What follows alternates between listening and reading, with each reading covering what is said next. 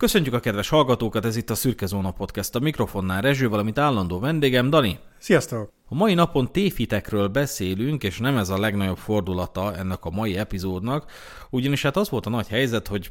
augusztus vége felé elkezdtünk ötletelni Danival, hogy hát miről is beszéljünk, mert alapesetben ötletünk lenne, csak időnk nincs, tehát egy csomó olyan adásötletem van, amire fel kéne leginkább készülni, de aki hallgatja a műsort, az tudja az előző adásból, hogy én augusztus vége felé Skóciában tartózkodtam, és hát ott szembesültem azzal, hogy nem igazán tudok ebben a helyzetben adásra készülni, mert hiszen egész nap vagy vezetek, vagy kirándulok, este meg leginkább fáradt vagyok, és hát a Daninak írtam, hogy mi legyen. És akkor Dani megadott egy nagyon jó ötletet, hogy kérdezzük meg a mesterséges intelligenciát. és a mesterséges intelligencia hát több ötletet adott, de az egyik ötlet az volt, hogy ilyen téfitek debunking epizódot csináljunk, tehát hogy olyan egyébként ismert és a társadalom tudatába teljesen beépült állításokat, meg kvázi axiómákat vizsgáljunk meg és döntsünk meg, amiket szinte lehetetlen megdönteni, vagy nem szokták egész egyszerűen megdönteni, vagy nem is gondolná az ember, hogy valójában nem feltétlenül úgy van, mint ahogy gondolná. És nekem közben eszembe jutott, hogy csomó ilyen van, és ezt én nem leszek rest itt most felhánytorgatni a kedves magyarságnak. Kedves Daniel, mit gondolsz erről a témáról? Az a helyzet, hogy egyébként végül is annyira nem áll távol tőlünk az adásnak a témája, hisz azért nyilván már a több mint száz epizód alatt azért beszéltünk akarva akaratlanul is tévhitekről. Nekem az egyik utolsó példa, ami eszembe jutott, az amikor ugye az alf, alf, alfizmusról, vagy alfaizmusról, vagy nem tudom ezt, hogy szokták szépen mondani magyarul, de hogy az alfahím koncepcióról beszéltünk, meg hogy ugye abból kialakult a szigma, meg a hasonlók hogy ugye ez a farkasoknál az alfa hímség, és akkor, hogy gyakorlatilag ez a szerencsétlen csávó, aki megírta ezt a, ezt a tézist, az utána rájött, hogy ez valójában nem is így van, aztán mire megírta azt a könyvet, amivel megdöntötte a saját elméletét, addigra már senkit nem érdekelt az, hogy valójában nem a, az ilyen alfa hierarchia szerint működnek a alfa fal, mi? farkas fa, falkák, az, az, az úgy teljesen a homályba veszett az a könyv gyakorlatilag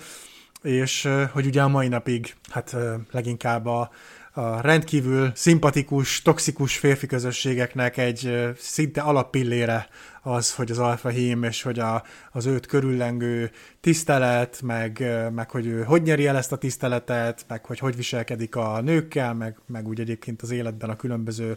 emberekkel, dolgokkal, pénzzel, mindennel. Hát ugye szerintem Berki Krisztiánhoz is ugye hozzákötöttük ezt az egészet valamilyen szinten. És hát igen, végül is ennek kapcsán eszembe jutott, hogy hát rengeteg ilyen tévhit létezik, ami, ami meg lehetne nevesíteni, és ugye nyilván amikor megkérdeztük az AI-t, akkor mondtuk is, hogy hát azért egy két ilyen általános dolgot soroljon már föl, és tök jó volt, mert amíg ő sorolta föl, nekünk is közben eszünkbe jutott egy-két dolog, és tök jó átfedések voltak köztük, úgyhogy úgy látszik, hogy ez egy, ez egy rendkívül egyszerű téma volt az AI-nak, amit még ő is fel tudott dolgozni. Nyilván az AI-jal a későbbiekben majd valamikor szeretnénk foglalkozni, hisz uh, ugye a, blockchainről, meg a NFT-kről, meg az ilyesmikről már csináltunk adást, meg ugye a kriptofómó, meg a kriptohomó, meg a, a mindenben azért így beszélgettünk már aránylag sokat erről a témáról de hogy az NFT-k az már gyakorlatilag szó szerint múlt szeptember témája, és ugye az AI nyerte el a, a trónt, és most tényleg minden honnan is a csap, csapon kívül az AI folyik, és valószínűleg azért a hallgatóink is talán már túl vannak stimulálva ebben az AI témában, úgyhogy talán ezért sem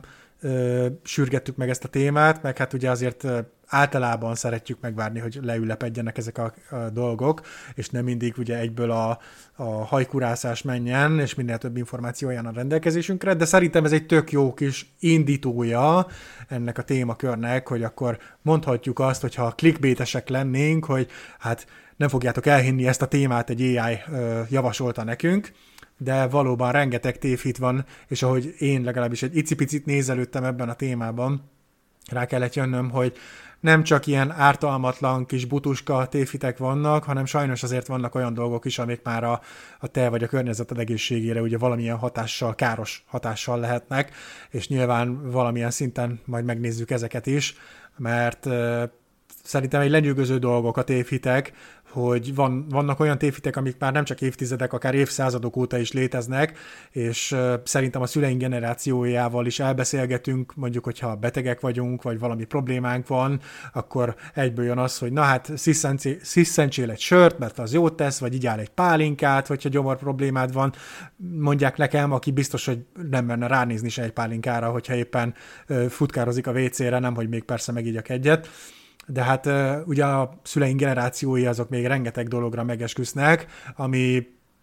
megcáfolhatatlan abból a szempontból, hogy hát végül is ők csinálták, és nekik működött, csak mondjuk azt sokszor nem veszik figyelembe, hogy jó, mondjuk tíz emberből tíz kipróbálta ezt, és abból mondjuk csak egyelte túl, aki pont te voltál, a másik kilenc az meg belehalt, vagy mit tudom én, még komolyabb problémái lettek. Hát ezeket a statisztikákat, tényezőket, ezeket ugye szeretik elfelejteni ezek az idősebb generációk, és ugye innen jönnek ezek az örök igazságok, amik, amiket mi most tévhitekként neveztünk meg. Ezeket a tévhiteket egyébként a formális logika szabályai szerint is meg lehet dönteni, vagy azt alapul véve, még csak utána sem kell feltétlenül nézni, de fenn lehet tartani ugyanakkor, hogy nem feltétlenül nekünk van igazunk, lehet, hogy pont mi hiszünk tévhitekben, e, e, tök mindegy, egy teljesen jó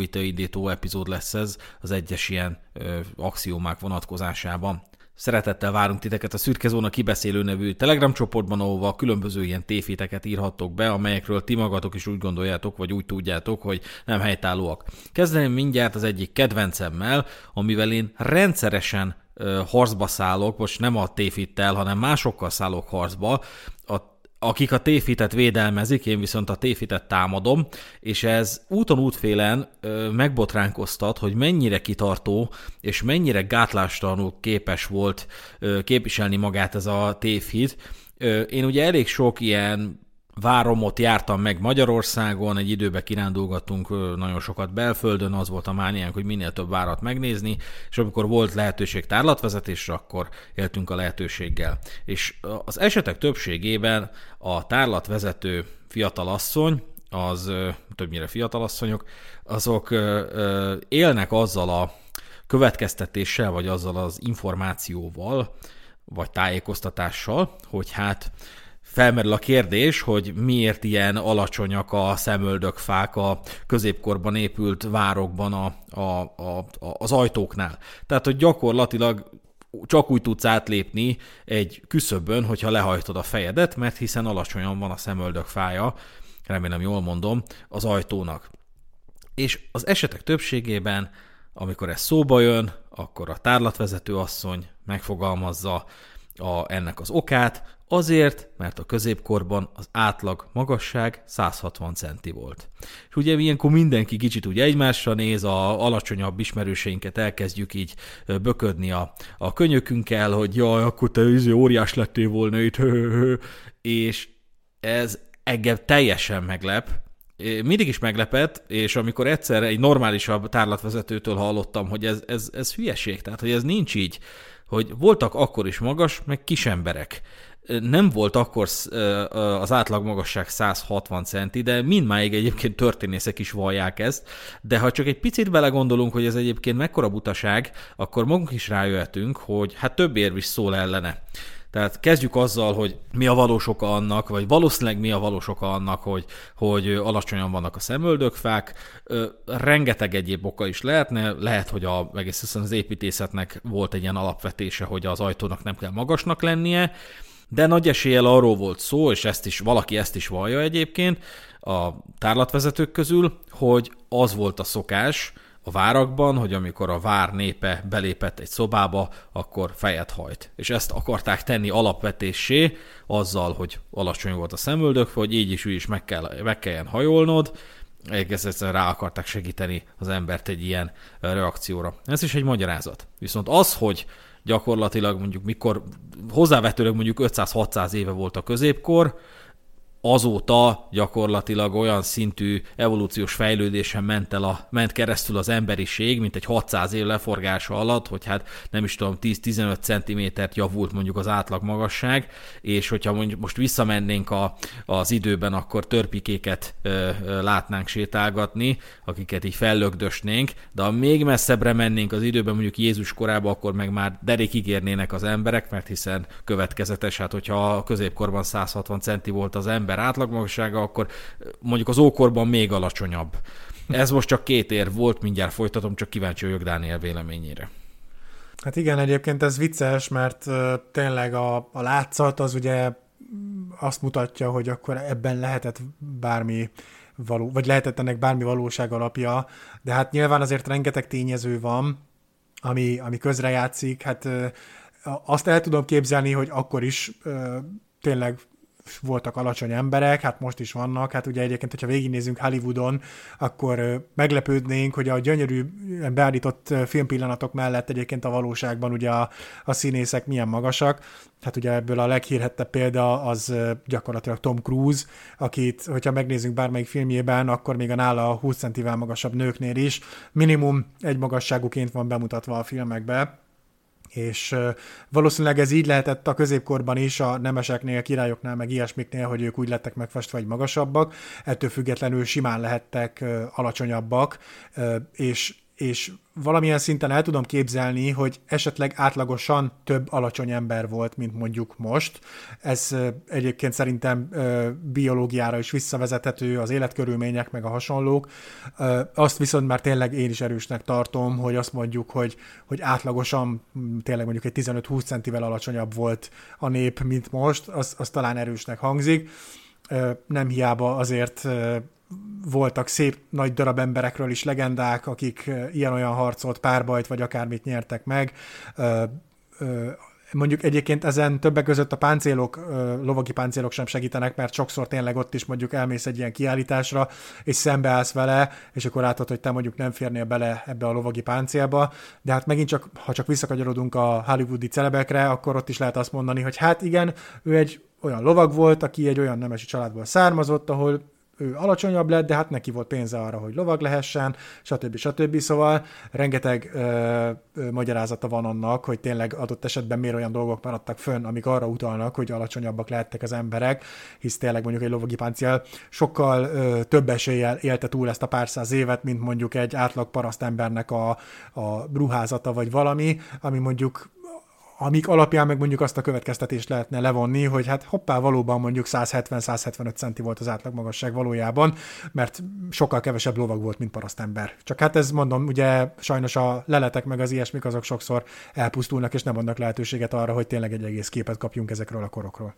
Igen, ezek jó érvek, ezekre mindjárt ki is térek, de maradva egy picit a szemöldökfa magasságánál, hát ugye, de ne, nekem is szokták mondani ismerősök is, hogy de mi, miket beszélsz, Rezső, hát tényleg alacsonyak voltak az emberek, nézd milyen alacsonyak az ajtók, hát ezért biztos azért, mert kicsik voltak. De ilyenkor én meg mondom, hogy hát nem emlékszem, látta, de a kaput az meg tök magas volt, akkor azt miért nem mondod, hogy óriások éltek abban a korban, hiszen a, a főkapu jellemzően ilyen két-három méter, még több, még magasabb is magasságú volt. Tehát abból, hogy kicsik vagy nagyok voltak az ajtók, azok, azokból nem lehet következtetéssel élni szerintem. Másrészt meg ugye ezek a tárgyak. Igen, ez, ez valójában egy nagyon jó érv. Kezdjük például az ágyakkal. Az ágyak tipikusan ö, rövidek, tipikusan ha ránézel azt mondanád, hogy egy mondjuk 150 centis ember, vagy annál kisebb, elég kényelmesen el tud férni rajta, de én már nem bírnék. De ez, ezt árnyalni szükséges azzal, hogy a középkorban nem feküdtek az ágyokban az emberek, hanem ültek. Erre vonatkozott, vagy erre szolgált az úgynevezett derékaj, ami egy ilyen hosszú, hosszúkás, jól kitömött párnaszerűség volt, aminek az volt a funkciója, hogy oda tették a derekuk aljára, és nem feküdtek, hanem ültek, úgy aludtak, mert az volt a hiedelem, hogy csak a holtak fekszenek. Úgyhogy ezzel magyarázatot nyer az is, hogy miért rövidek az ágyak, miért kicsik az ágyak, miért voltak azok a középkorban. Az eszközök, páncélok, ruhák valóban erre én nem tudok jó választ adni. Tipikusan ezzel szoktak érvelni, hogy néz, de nézd meg, milyen pici az a páncél, nézd meg, milyen pici az a, az a ruha, meg hasonlók nem vagyok benne biztos egyébként, hogy ezek a dolgok nem mennek össze az idő során. Lehet, hogy tök hülyeséget mondtam, nyilvánvalóan a páncél nem megy össze, egyéb más magyarázat is lehet rá, de például amikor Palermóban mentünk el a katakombákba, ami gyakorlatilag egy ilyen föld alatti ö, temetkezési hely, ahol ilyen múmiák vannak szabályosan. Tehát, hogy így fel vannak, egész családok vannak felfüggesztve, hogy a, abban a ruhában, amiben másokat eltemettek volna, őket kifüggesszék, és szépen így lassan összeasszanak az évszázadok során, és így mumifikálódjanak. És ugye szépen ballagunk a Palermóban ebben a katakombákban, és akkor mondják, hogy hát Rezső, nézd meg, hát 1600-as évek, nézd meg, tök, tök kicsik ezek a testek. Akkor megyünk tovább, ha 1700-as évek, nézd meg, még mindig ilyen 150 centis emberkék. És a végén már eljutunk oda, hogy 1890-ben meghalt valaki, és ide kifüggesztették, és az is a derekadig ér maximum, Tehát, hogy, és hozzáillő ruhák is vannak, tehát, hogy vagy csak gyerekek, vagy kisnövésűek lettek ide kifüggesztve, tehát, hogy ebből sem lehet feltétlenül következtetéssel élni, hogy kicsik az eszközök, tehát biztos kicsik, kicsik voltak az emberek. Tehát én, én nem is tartom ezt következetesnek, meg még, még kevésbé tartom logikusnak, hogy, hogy tehát nem, nem lehet érteni egész egyszerűen, hogy mi, mi okból lettek volna kicsik a középkorban az emberek, illetőleg most miért lettek jóval nagyobbak az evolúciós változás ennyi idő alatt nem tud keresztül menni. Mondom, én, én a, amilyen evolúcióhoz talán még közelebb állhatna, de hát az is azért aránylag távol áll, hisz ugye száz évekről beszélünk, és nem tízezer évekről, meg százezer évekről, ahol ugye megvalósul az evolúció komolyabban hogy tényleg egyszerűen az életkörülmények. Hát most nézzük meg, hogy hogy éltek, milyen betegségek voltak, mit ettek, mit ittak, milyen állatokkal aludtak együtt, stb. stb. stb. Egy csomó olyan betegség, parazita, amit el tudunk képzelni, azok olyanok létezhettek, amik tényleg hatással lehettek a, a magasságukra. És mondjuk érted, hogyha te egy olyan rétegbe tartoztál, ahol tényleg mondjuk problémák voltak az étkezéssel, mert nem volt elegendő kaja, akkor alultáplált lettél, akkor a csontfejlődés, a, stb. immunrendszer, stb. stb. Egyébként a várható élettartam is azért sokkal rövidebb volt, mint most, hisz nem volt annyi gyógyszer, nem volt annyi orvos, ellátás, stb. Tehát lehet, hogy simán tínédzser koraikban már meghaltak csomóan, innentől kezdve találunk megint csontokat, leleteket, megint alacsonyabbak az emberek. Tehát, hogy, hogy a logika mellett, hogy tényleg akár ö, hogy mondjam, spórolásból lettek olyanok az épületek, amilyenek lettek, meg az ilyenek mellett tényleg egy csomó egészségügyi dolog is közrejátszhat, amiből azt a következtetést lehet levonni, hogy átlagosan alacsonyabbak voltak az emberek, de, de mondom, sajnos az a baj, és, és, és tényleg még, még így is, hogy a középkorról beszélünk, próbálnánk csak visszamenni ugye a, a bronzkorba, meg a hasonló időkbe, hogy ugye tényleg akkor, akkor ne csak mondjuk 500 évre vetítsük le, hanem mondjuk 5000 évre vetítsük le, nem, nem tudjuk egyszerűen, mert tényleg nincs annyi lelet, ami által le lehetne vonni ilyen jellegű egyértelmű következtetéseket. Hát nyilván egyértelműen ezek is tényleg úgy alakultak ki, hogy hogy a, a régészek meg akárkik elkezdtek találni ilyen, ilyen leleteket, maradványokat, épületeket, meg stb., és akkor ez így kialakult. De hát mondom, ettől függetlenül, hát most csak ha csak a lovagokra gondolunk megint, akkor nézzünk meg egy jó kis Zweihendert, ugye ilyen pallosokat, meg hasonlót. Hát most egy 150 centis ember, oké, okay, egy darabig elhimbálgatja, lóbálgatja ezeket a cuccokat, de hát azért, azért itt komoly terhekről, meg megpróbáltatásokról beszélünk, szóval biztos, hogy voltak olyan méretű emberek is, akik a különböző buzogányokat, kalapácsokat, kardokat, meg ilyesmiket sokkal ideálisabban tudták forgatni a méretüktől fakadóan. Következő tévhit, amit érdemes lenne körbejárnunk, az a a kínai nagyfal az űrből is látható című tévhit. Ez ugye, ezzel több cikk is foglalkozott, főként a Hanula Zsolt írt az Indexre, a Ma is tanultam valamit blog alatt ilyen érdekességeket, amiket elhelyezünk a show notes-ban, hogy valójában ezt elég súlyosan árnyalni kell ezt az állítást, de ezt bárkit megkérdezel, mindenki meggyőződésesen fogja állítani, hogy igen, a kínai nagy fal az űrből is szabad szemmel nagyon jól látható,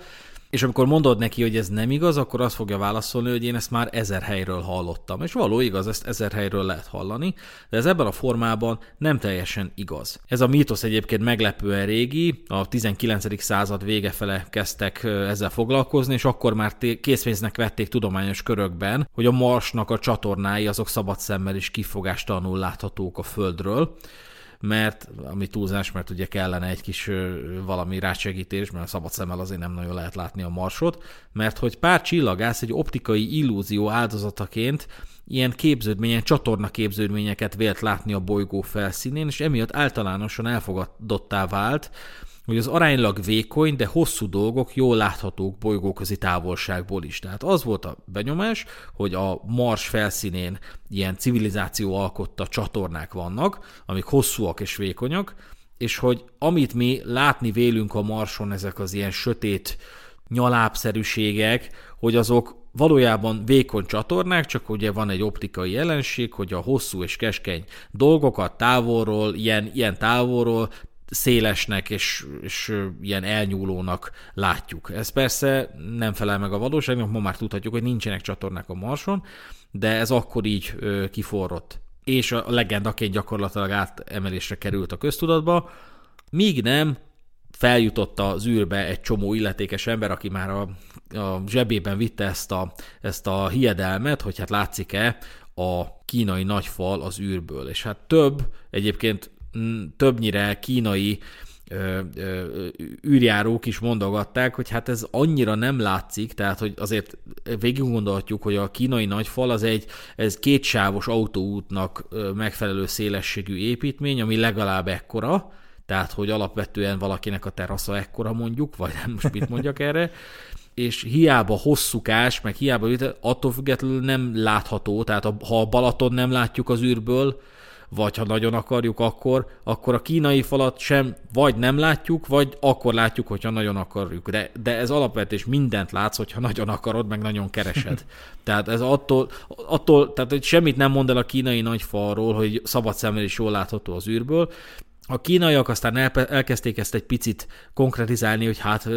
persze, hát látjuk, hát mekkora, mekkora teljesítmény, hát nyilván lehet látni, és akkor picit körbejárták ezt, hogyha nagyon ideálisak a feltételek, tehát kifogástalan az időjárás, nincs semmi felhő abban a régióban, ráadásul a nap is úgy süt, hogy nagy árnyékot vet a falnak, illetőleg lehetőleg hó fedi azt a környéket, tehát kontrasztossá válik a dolog, akkor lehet látni az űrből a kínai nagyfalat. De ez nem egy alapvetés, hogy izé kinézel a, az ablakodon, az űrhajódból, és akkor ah, ott, ott, ott, ott fut a kínai nagyfal, jaj, de jó. Tehát, hogy ezt el is lehet felejteni ebben a formában. Hát igen, az a helyzet, hogy tényleg én is már rengetegszer hallottam ezt, és abból a szempontból ugye annyi valóság alapja lehetne a dolognak, hogy hogy hát azért mégiscsak tényleg 21 ezer, azt hiszem 21 ezer kilométer hosszú, úgyhogy erre már az ember azt mondaná, hogy wow, hogy azért ez, ez biztos, hogy igaz, csak hát ahogy te is mondtad, abba már kevésbé gondolnak bele, hogy tényleg egy pár méter széles összesen, és hiába 7-8 méter, vagy nem tudom, talán 10 méter magas, hát nyilván az ugye sokat nem számít, max amekkora árnyékot vet adott esetben, hogyha úgy süt rá a nap, de hogy valóban ez egy rettentő vékony építmény ahhoz képest, hisz végül is ugye nem az volt a célja, hogy, hogy széles legyen, hanem hogy akadályt állítson a támadók előtt, meg hasonlók, és ezt sikeresen megoldották egy pár méter széles fallal. Úgyhogy, de hát igen, nyilvánvalóan nem ezt szereti reklámozni senki, hanem azt, hogy tényleg ez a több ezer, több tízezer kilométer hosszú, és akkor innentől kezdve ugye már hihetőnek tűnik a ez az állítás. Egyébként, hogyha jól tudom, akkor a NASA-nak az oldalán meg is lehet tekinteni, hogy gyakorlatilag le van fényképezve, azt nem tudom, hogy bármilyen nagyítással vagy nagyítás nélkül, de először van egy kis kép, ahol így be van nyilakkal jelezve, hogy hát egyébként itt lenne a kínai nagyfal, és hogyha szeretnéd megnézni a nagyobb képet, akkor valóban nem igazán lehet észrevenni ott a, a dimbes-dombos vidék között, úgyhogy egyébként még azért aránylag kontraszt is van a, a képen, hisz ugye hó, meg, meg zöld terület, meg barnás, ugye a, a sziklás részek, meg hasonlók, de nem, sajnos ott alapvetően nem látszik, és, és hát én is ugye néztem, hogy, hogy jó, hogyha szeretnénk nagyon-nagyon kifordítani ezt a kijelentést, hogy lehet látni az űrből, és nem tesszük hozzá azt, hogy szabad szemmel, akkor igen, onnantól kezdve a különböző objektívekkel, kamerákkal, meg ilyesmikkel nyilván már észre lehet venni, meg hát tényleg sok szerepet játszik az is, hogy, hogy ne legyenek felhők az égbolton, meg legyen, ne legyen légszennyezettség, meg hasonlók, úgyhogy, úgyhogy végül is valamilyen szinten ki lehet facsarni ezt a kijelentést, de az, hogy szabad szemmel is látható az űrből, az, azt meg, megdöntötték, hogy ez sajnos így nem igaz ebben a formában. Hát nekem a, én, én kettőt így összevonnék, mert, mert valamilyen szinten szerintem van, van köze hozzá sőt, talán hármat is sikerül egy kategóriába sorolni. Az egyik ugye a haj, szőr, meg ilyennek a növekedéséhez, illetve kettő ahhoz kapcsolódik, hogy ugye a hajunk és a körmünk az halálunk után tovább nő, és az én kedvencem, amit szerintem saját tapasztalatból már meg tudom cáfolni, hogyha borotválod, sőt egyre gyakrabban borotválod ugye a, a szőrödet, akkor erősebben és sűrűbben nő vissza az azt megelőzőnél Hát mondom, ezt sajnos meg kell cáfolnom, mert egyébként a halálunk után sem nő tovább a hajunk, se a körmünk, hanem ugye ahogy aszódik össze a testünk, és távozik belül, távoznak belőlünk a különböző gázok, folyadékok, meg kiszáradunk, meg hasonlók, ugye a testünk megy össze. Ugye ez szerintem egy két mondatban össze is lehetett foglalni. De a másik, ugye, ami a borotválkozásra vonatkozik, Ugye találtam egy ilyen vicces cikket, ahol egy mondattal végül is lezárták a témát, hogy hát csak kérdezünk meg minden tizenéves fiút, aki hatalmas melszört, szakállat, meg minden egyebet szeretne magának, és ezért orba szájban naponta háromszor borotválja azt a felületet. Hát sajnos ez sem igaz, mert a, ami tényező ugye közre játszhat adott esetben, az az, hogy idővel, tehát tényleg tíz évek leforgása alatt sűrűsödhet be mondjuk a férfiak szakálla. Hát ugye a Rezső már látott engem, szerencsére, ha már barátok vagyunk, és látta, hogy mostanában már nekem is szakállam van, és ugyan ritkás, de, de mondjuk egy 15 évvel ezelőtt még ezt a mennyiségű szakállat sem tudtam volna elképzelni, mert a, egyszerűen a, az arcom szélén nagyon-nagyon ritkás volt a szőrzet, és, és a hallgatók elhihetik nekem, hogy én is ott a 13, hát 14 éves koromtól 20 éves koromig gyakorlatilag rendszeresen borotváltam az arcomat, hogy próbáljak segíteni ezen a szőrnövekedésen, de, de nem jártam sikerrel. Ugye ö, azzal keverhető össze ez a jelenség, hogy amikor az ember levágja a szőrt, akkor ugye nem a természetes, hát nem is tudom milyen formának hívjam ezt, ilyen hosszúkás töltsér, talán ez a leg passz, passzentosabb megfogalmazás, nem egy olyan formája lesz a szörnek, hanem ugye mi ezt szépen keresztbe levágjuk, és gyakorlatilag egy nem a végénnél lévő, hanem majdnem a tövénnél lévő átmérőjű szőrszállal dolgozunk onnantól kezdve, és nyilván azért érezzük a, a borostás arcot, meg hogyha mondjuk valaki lenyírja a haját, és ugye a, a régen a csajok is szerették ugye mindig simogatni a rövidhajú srácoknak ugye ott a rövidhajas részét, mert hogy olyan kis szúrós, olyan kis tüskés volt, de hát ez tényleg csupán annak tudható be, hogy igazából elvágtad a szőrszálat, és onnantól kezdve ugye a szőr tövéhez közelebbi átmérőjű szőrt birizgálod, meg érzékeled. Hát a sötét része is meg van igazából cáfolva, mert nekem is a mai napig vannak szőkésebb szőrszálaim, ahol már egyébként nem annak kéne lennie. Ezek mind csupán tényleg a, a szőrtűzőből kinövő szőr szőröm múlnak, hogy éppen az milyen lesz. Úgyhogy ha mondjuk nők közül ezt tartott volna valakit vissza, hogy mondjuk ne borotvágassa a lábát, vagy a intim testrész, vagy a hónaj, vagy az akármit, akkor azt meg lehet, megnyugtatjuk szerintem, hogy nem kell emiatt félni, attól maximum jobban lehet félni, hogy a benőtt szőr az egy sokkal kellemetlenebb dolog tud lenni szerintem, ami aztán tényleg mindenkinek volt tapasztalata, de én így első körben ezt hoztam volna, hogy hogy sajnos nem, nem lesz sűrűbb a szakálla attól az embernek, hogy gyakrabban borotválja. Én erre nem kívánok reagálni, mert mindent elmondtál ezzel kapcsolatban, viszont én is feldobok egyet, ez a tördelni a kezedet, az, az remegni fog a kezed öregkorodra, és ezt nem győztek ilyen, ilyen teátrálisan megfogalmazni a felnőttek, amikor kicsi voltam, és tördeltem a kezeimet, és így remegtették a kezüket így az arcuk előtt, hogy nem érted, így fognak remegni a kezeid öregkorodra, hogyha ezt nem hagyod abba. És így nem. Tehát, hogy nem. Jó, nem vagyok még öreg, de kicsit, de nyilván nem igaz, basszus, ezt miért találták ki? Tehát hülyeség, meg hogy úgy maradsz, hogyha lefotóznak. És, ö, bocs, na, hülyeség, nem mondtam a lényeget. Ha grimaszolsz fotózás közben, akkor úgy fogsz maradni, tudod. Hát az a vicc egyébként ezzel a ropogtatással kapcsolatban, hogy én is nagyon-nagyon meg voltam győződve erről a jelenségről, hogy ugye ennek hosszú távon ilyen jellegű hatásai lesznek, ugyanis nekem annó volt egy ismerősöm, aki rendszeresen ropogtatta amit csak ropogtatni lehetett, a nyakát, a hátát, az ujjait, a, mindent, és tényleg neki voltak olyanok a, a, az ujjai, hogy tényleg a hüvelyk ujját is, meg a többi ujját is olyan szinten ugye hátra tudta hajtani, ilyen derékszögig gyakorlatilag, hogy, hogy nekem egy az egybe ez jött át, hogy úristen, hát ő egész nap ropogtat folyamatosan, mert az, hogy mondjuk én a nap végén mondjuk így roppantok egyet a lábujjaimon, vagy valami, az, az úgy, mert ez tényleg egy ilyen, egy ilyen felszabadulás érzet, hogy na ott, ott valami be volt állva, amire nem tudtad rárakni a kezed, hogy ott mi van, de úgy roppantottál egyet, és így, oh, és így jól esik, és és én ezért voltam teljesen meggyőződve arról, hogy ennek van valamilyen valóság alapja, mert mondom neki, ilyen, ilyen abszurd módon hátra lehetett hajlítani az ujjait. Aztán rájöttem, hogy hát valószínűleg egyszerűen csak lazábbak voltak a izületei, vagy valami hozzám képest, mert én most már így öregember létemre szerintem, hogyha egy 10 fokot se tudok hátra hajlítani az ujjaimon, akkor már, már azzal sokat mondok. Úgyhogy én, én ezért hittem ebbe nagyon sokáig, de az tény, hogy konkrétan kimondhatóan, vagy kijelenthető módon nem állapították meg, hogy, hogy reuma vagy hasonló dolgokat eredményezne az, hogy te ropogtatod az ujjaidat, hisz ugye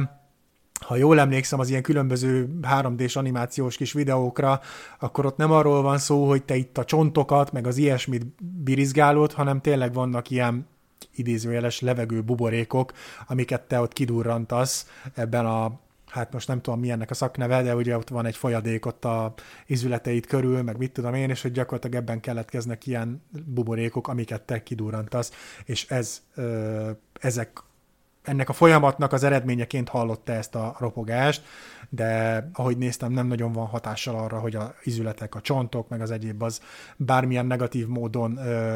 befolyásolva lenne ezáltal a művelet által. És szerintem e, térjünk egy fokkal komolyabbi témára rá, a kommunikációra. Szerintem Rezső, neked is biztos van élettapasztalatod ezen a téren. Én két dolgot találtam, ami kommunikációval kapcsolatos. Az egyik, amit én a saját bőrömön is tapasztaltam már munkahelyen, hogy az általános kijelentés, hogy a több kommunikáció jobb. A másik pedig, amivel hála Istennek már egy ideje nem feltétlenül találkoztam személyesen, de az életünk során szerintem már találkoztunk vele, hogyha ha valaki és most nem tudom szak, szakszerűen kifejezni magam, de hogyha valaki maga biztosan ad elő egy témát, akkor ahhoz biztosan ért. És hát nyilván ez már egy icipicit ugye mind a kettő káros teritorium lehet, mert a cégeknél egyébként én észrevettem, hogy főleg az amerikai modell szerint azért ez a több kommunikáció jobb alapelvet kezdték el nyomatni, és nekem megmondom őszintén, hogy nem, nem feltétlenül szimpatikus ez a hozzáállás, mert egy az, hogy szerintem ezzel sokszor ugye az alkalmazottakat egy picit kellemetlen helyzetbe hozzák, hogy ha ő meg van elégedve a jelenlegi helyzetével, vagy, vagy egyszerűen csak nincsen problémája semmivel, neki akkor is koholni kell gyorsan valamit, hogy, hogy hogyan lehetne folyamat fejleszteni, hogyan lehetne a munkakörnyezetünket jobbá tenni, meg hogyan lehetnénk proaktívabbak, meg ilyesmi, és hogy gyakorlatilag ez abban is megnyilvánulhat szerintem, hogy egyszerűen meeting-meeting hátán van már, és nekem is volt már olyan hetem, ahol gyakorlatilag azt vettem észre, hogy már szinte egész nap csak meetingelek, arról, hogy mit kéne dolgoznom, ahelyett, hogy dolgoznék. Úgyhogy szerintem ez, ez így gyakorlatilag a bizniszvilágnak egy ilyen ö, káros tévhite tud lenni, hogy egyszerűen folyamatosan mindenről kommunikálni kell, pedig szerintem megvan a helye a, a szükséges kommunikációnak, meg kell adni neki a platformot, a helyt, az időt, a helyet és az időt, és akkor onnantól kezdve szépen, nyugodtan lehet kommunikálni bármiről. Nem tudom, hogy te neked milyen tapasztalataid vannak erről. Totálisan egyetértek, illetve nekem az a tapasztalatom, hogy nem is a kommunikáció, hanem inkább a korrektség számomra az, az teljesen evidens, hogy az egy, az egy vicc, visszás módszer, visszás megoldás. Többször mondtam már fel munkahelyemen, és mindig a lehető legkorrektebben próbáltam csinálni, és minél korrektebb akartam lenni, annál nagyobb inkorrektséggel mm. válaszolta a felettesem. Tehát minél előzékenyebb akartam lenni, annál jobban megkesítette az utolsó napjaimat. És ezt az a életben is mindig tapasztalom, és ma már, amikor tudod, van valami konfliktusom valakivel, vagy valami ilyen konfliktusos helyzetbe bocsátkozok mondjuk az üzleti életben, és akkor a feleségem mondja, hogy de figyelj, beszélt meg vele, vagy, vagy hív fel a felettesed, vagy ilyesmi, akkor mindig mondom neki, hogy nem, nem, tudjuk jól, hogy ez nem fog összejönni, mert hogy a korrektség az üzleti életben az ilyen saját hasba döfött tör. Tehát, hogy, hogy ha, ha van egy-két van egy-két epizódunk, amikor ilyenekkel foglalkozunk, hogy amikor nem ilyen, ilyen gátlástalan, mocsadék stílussal viseltetsz a kollégáid, vagy a felettesed, vagy, vagy a beosztottad felé, hanem, hanem leereszkedsz egy előzékenyebb szintre, és azt mondod, hogy szeretném ezt korrekten, szeretnék korrekten eljárni, szinte biztos lehetsz benne, hogy a túloldalt nem a korrektséggel fogsz szembe találkozni, hanem az a deficit, amit, amit te realizálsz, az szuficitként jelentkezik a túloldal, tehát hogy ő, ő akvirálja a te korrektségedet, és becsatornázza az inkorrektségébe, vagy nem tudom, hogy mondjam. Tehát, hogy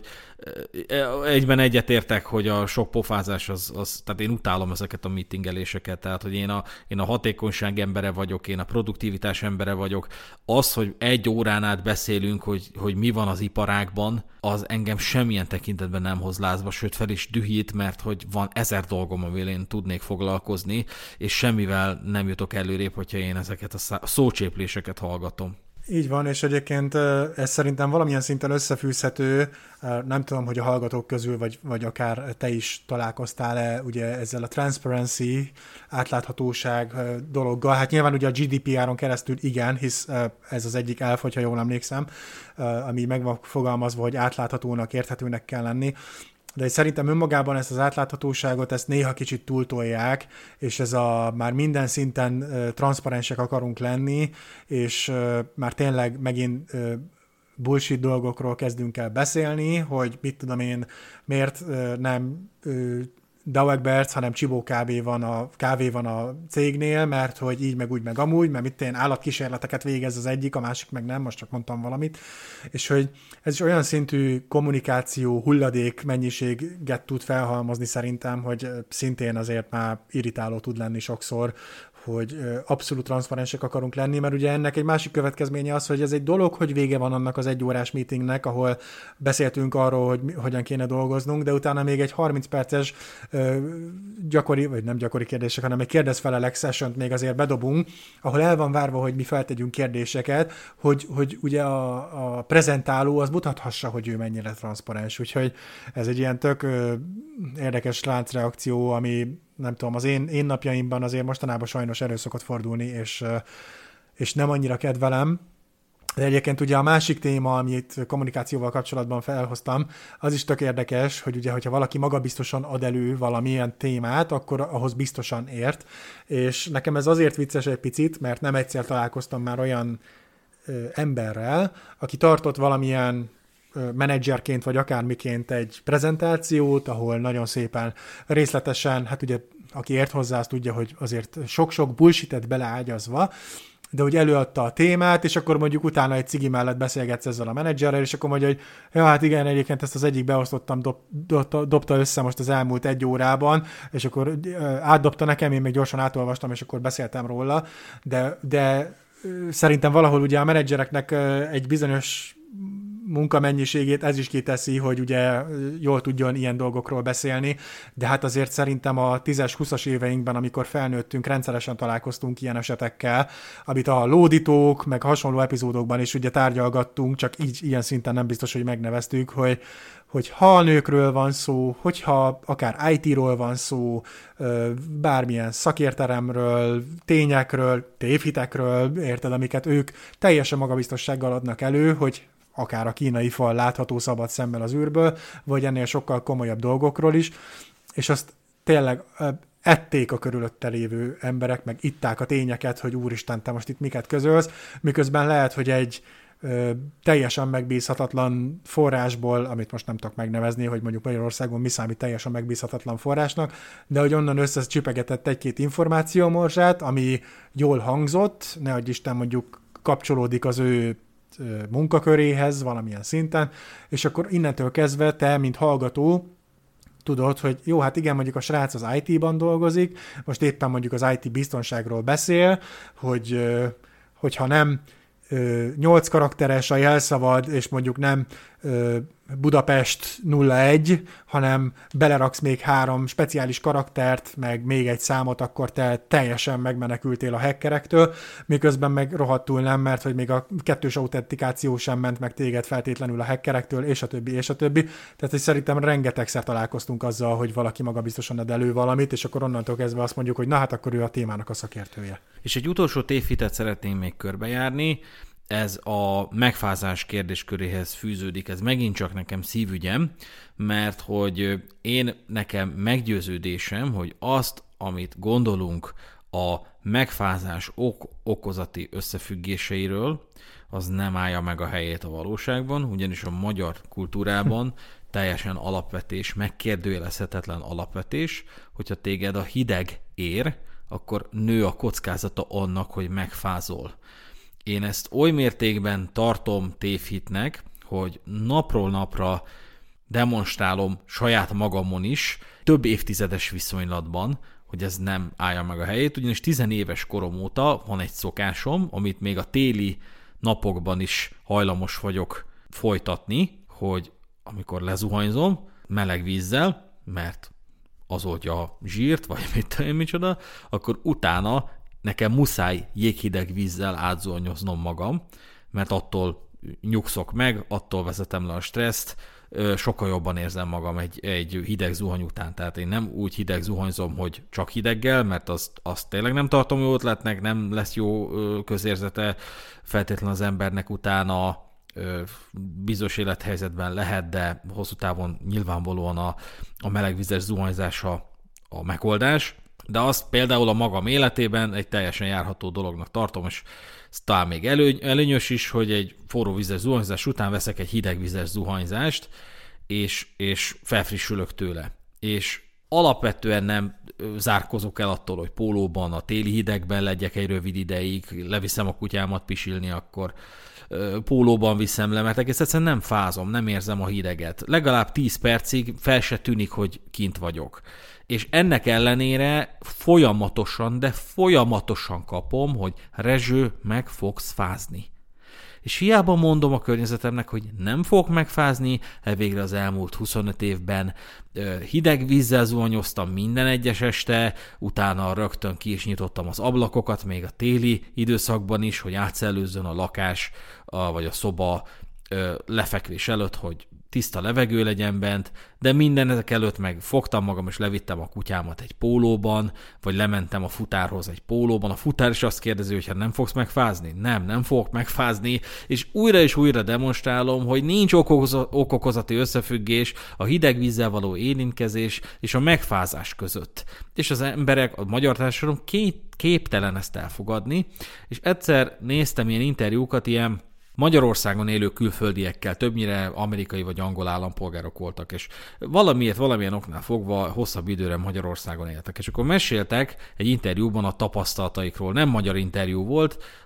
valaki megkérdezte őket, hogy milyen volt a Hungary. És, és többek közt ugye beszéltek arról, hogy hát az ételek, fú, a kocsonyát azt ők nem bírják, de hogy a gyümölcsleves az a kedvencük, hasonlók, és mondták, hogy, hogy, hogy az, az még az érdekes, hogy leülsz a kőre, és oda fognak jönni, hogy megfázol, megfázol. Mert hogy, és mondják, hogy, hogy, a, hogy a magyarok azt gondolják, hogy, a, hogy az, a, az a hőmérséklet, ami van benned, hogy az, a, az az optimális, és hogy azt, azzal, azzal alacsonyabb hőmérséklettel lehetőleg nem kéne találkozni. És ha belegondolok basszus, hogy sétálgattam annó Gyulán így, így a, egy, egy nyári délutánon, és ilyen mini ruhácskák voltak a nőkön is, mert olyan jó volt az idő, és láttam egy faszit sétálni a barátnőjével, és ilyen jogging hosszújú volt rajta a, a rövidgatja fölött, mert hogy neki fázott a felső teste, azt érzem, hogy basszus, nem csoda, hogy, hogy elvesztettük a területeinket, meg hogy izé ott maradtunk a Donkanyarba. Tehát, hogy és mekkora tiszteletlenség ez a, a második világháború áldozataival szemben, akik basszus a vérek, vérüket adták egy ilyen rend, rendkívül viszontagságos környéken, meg itt hüledezünk, hogy jaj, jaj, izé fázok nyár este, jaj, jaj, hol a kabátom, hol a jogging felsőm, és így basszus, nem, nem azt tesz minket erősebb emberi, hogy kerüljük ezeket a helyzeteket, hanem hogy beleállunk, hogy túllendülünk rajta. Hát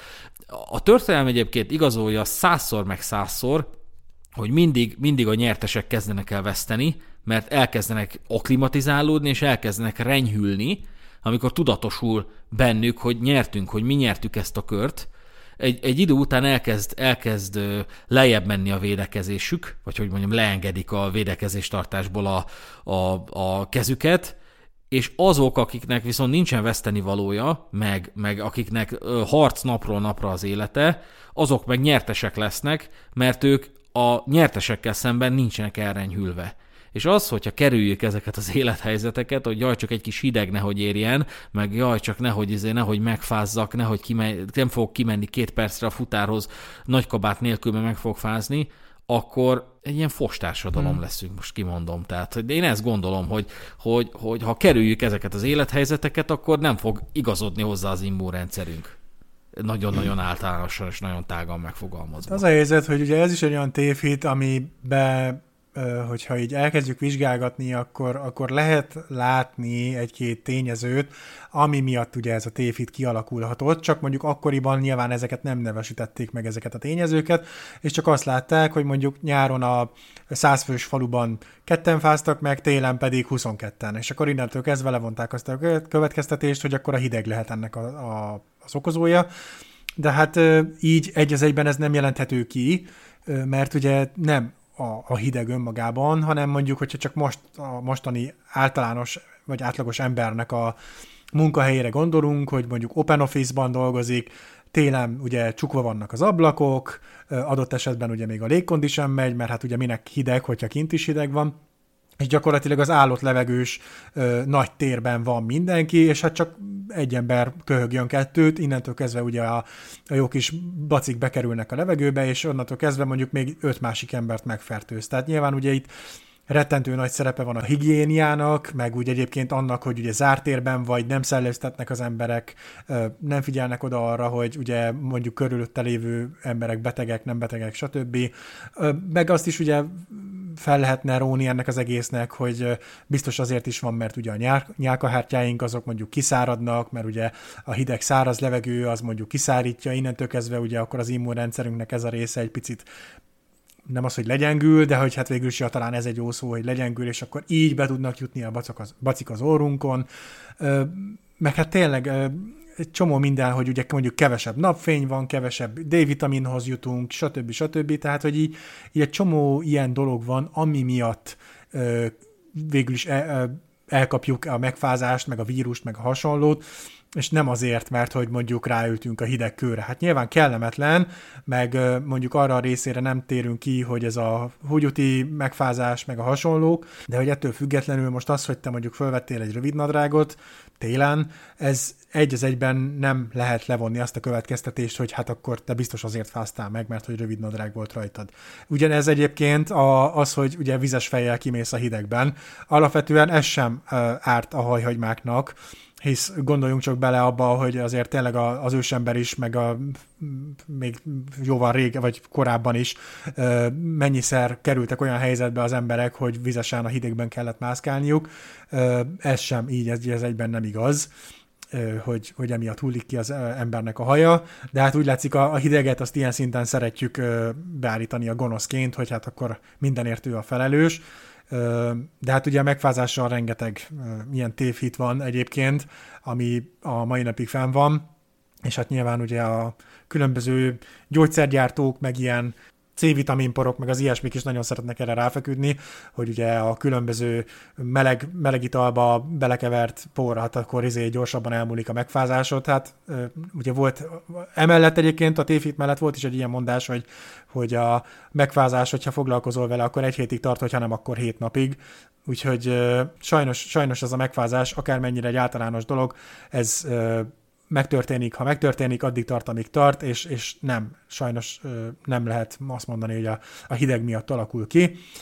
hanem tényleg azért, mert más okok miatt esetleg legyengül a szervezeted, vagy, vagy mit tudom én, ne adj Isten elkapod, mert egy térbe vagy zárva más emberekkel. Úgyhogy Ja, hát ez sajnos ilyen. Én is próbálom ezt így levetni, mert valamilyen szinten ugye belém is belémültették ezt az egész bogarat, hogy, hogy hát úristen a hideg így, meg úgy, meg amúgy, de hát én is Izlandon is járkáltam olyan ruhába, úgyhogy egyébként hót le voltam izzadva hozzáteszem, mert ugye bemászkáltunk a különböző túrautakon a 80 centis kabátban, meg a két pulóverben, meg az ilyesmi, és akkor onnantól kezdve leültünk pihenni, és én azt mondtam, hogy na jó, hát most nekem elegem van, én nem akarok tovább izé, szaunában élni. Levettem a kabátot, meg egy pulóvert is, és akkor ott vagyok izzadt háttal, de gyakorlatilag csorgott rólam a víz, ott voltam a nem tudom 5 fokba vagy hány fokba, és mégse lett semmi bajom, pedig ezt nem egyszer játszottam el, úgyhogy igen, hát ez sajnos egy ilyen tévhit, ami megmaradt a mai napig. Félreértés ne essék, én nem azt gondolom, hogy a hideg semmilyen hatást nem tud gyakorolni az ember egészségére, inkább azt gondolom, hogy kontroll nélkül a hideg tud negatív hatást gyakorolni az ember egészségére, kontroll mellett viszont pozitív hatást tud gyakorolni az ember egészségére. Tehát, hogyha észszel viseltetsz a hideggel szemben, hogyha kísérletezel vele, meg hogyha túl lendülsz egyébként ezen a prekoncepción, hogyha kimegyek a hidegbe, meg fogok fázni, és kimész a hidegbe, és figyeled, hogy mennyire bírod, és ha rájössz, hogy egyébként tulajdonképpen nem fázol, vagy csak egy kicsit, de nem akkora baj, akkor abból nem fog semmi se következni, hanem talán még jobban is fogod érezni magad, mert a vérkeringésed egy kicsit beindul. Na ez te, teljes mértékben jótékony tud lenni, nem hiába létezik egy csomó hidegterápiás iskola ma már, elég a Wim Hof módszerre gondolni, ami egy picit talán valaki bugyutának nevezheti. Én nem tudom, körülbelül 8 éve találkoztam vele, és akkor tökre meggyőzött, nem emiatt kezdtem kísérletezni ugye a hideggel, de hogy ez a Wim Hof nemű faszi, ez ez kifejezetten azt az iskolát képviseli, hogy egyébként a hideg, a hidegből szó szerint az immunrendszernek a javulása, meg a egyéb képességeknek a, meg teljesítményeknek a fokozása is következhet. Én ezt tök, tökre vallom, nem hiába egy csomó krioszauna is mm. van már Budapest szerte, meg ország szerte, bérleteket lehet rá vásárolni, tehát talán nem hülyeségeket beszélek, talán van ennek valami alapja, én csak ezt képviselem leginkább, hogy, hogy ezt kellene elengedni, hogy, hogy ha kimész a hidegbe, akkor megfázol és beteg leszel. Inkább ahhoz van köze, amit mondtál, hogy nem, az van, hogy hideg időben az emberek bemennek egy zárt, zárt térbe, és nagyobb eséllyel kapják el egymás bacillusait és talán az, az se elképzelhetetlen, hogy a létező legrosszabb időpontban ér téged egy ilyen nagyobb fokú hideg, és egész egyszerűen a szervezeted reagál rá, hogy jó, hát akkor begyullasztunk téged itt, vagy nem tudom micsoda, mert, mert, hogy, mert hogy neked most megfázott valamilyen fertáját, tehát nem azt mondom, hogy a megfázás egy tévhit, csak az, hogy a hideggel való érintkezésből a megfázás következik törvényszerűen, ez egy tévhit szerintem. Igen, és egyébként még így a, az egészséggel kapcsolatban lenne egy téma, amit nem biztos, hogy teljes értékűen kielemzünk, mert szerintem egyszer még valószínűleg fogunk ezzel foglalkozni. Ugye konteókról már beszéltünk néhány alkalommal, és szerintem az elmúlt évek egyik ilyen legnagyobb tévhite az az volt, hogy ugye a az oltások azok autizmust okoznak. Ez itthon nem tudom, hogy mennyire volt jellemző, de azt tudom, hogy Amerikában a Fox meg a hasonló ilyen nagy hírcsatornák azért többször foglalkoztak azzal, hogy többen azért nem akarnak maguknak, a gyereküknek, meg bárkinek oltást beadni a COVID ellen, mert hogy autizmust okoz, és hát ugye az 5G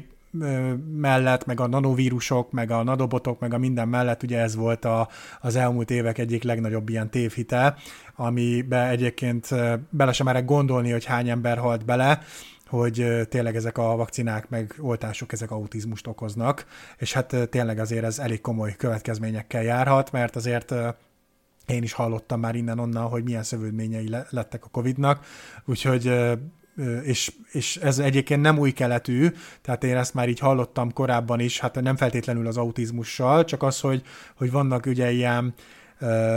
hát nem is tudom, minek nevezzem őket, ilyen tisztán maradó emberek, vagy nem is tudom, hogy ugye a gyerekeiknek, az újszülött gyermekeiknek azért nem adnak be különböző oltásokat, mert hogy az ilyen meg olyan meg amolyan hatással van a gyerekre, és ugye akkor jönnek az egyéb indokok, hogy hát több száz évvel ezelőtt sem voltak ezek az oltások, és nézzük csak meg, hogy mindenki túlélte, és ugye amit már korábban is említettem, hogy oké, okay,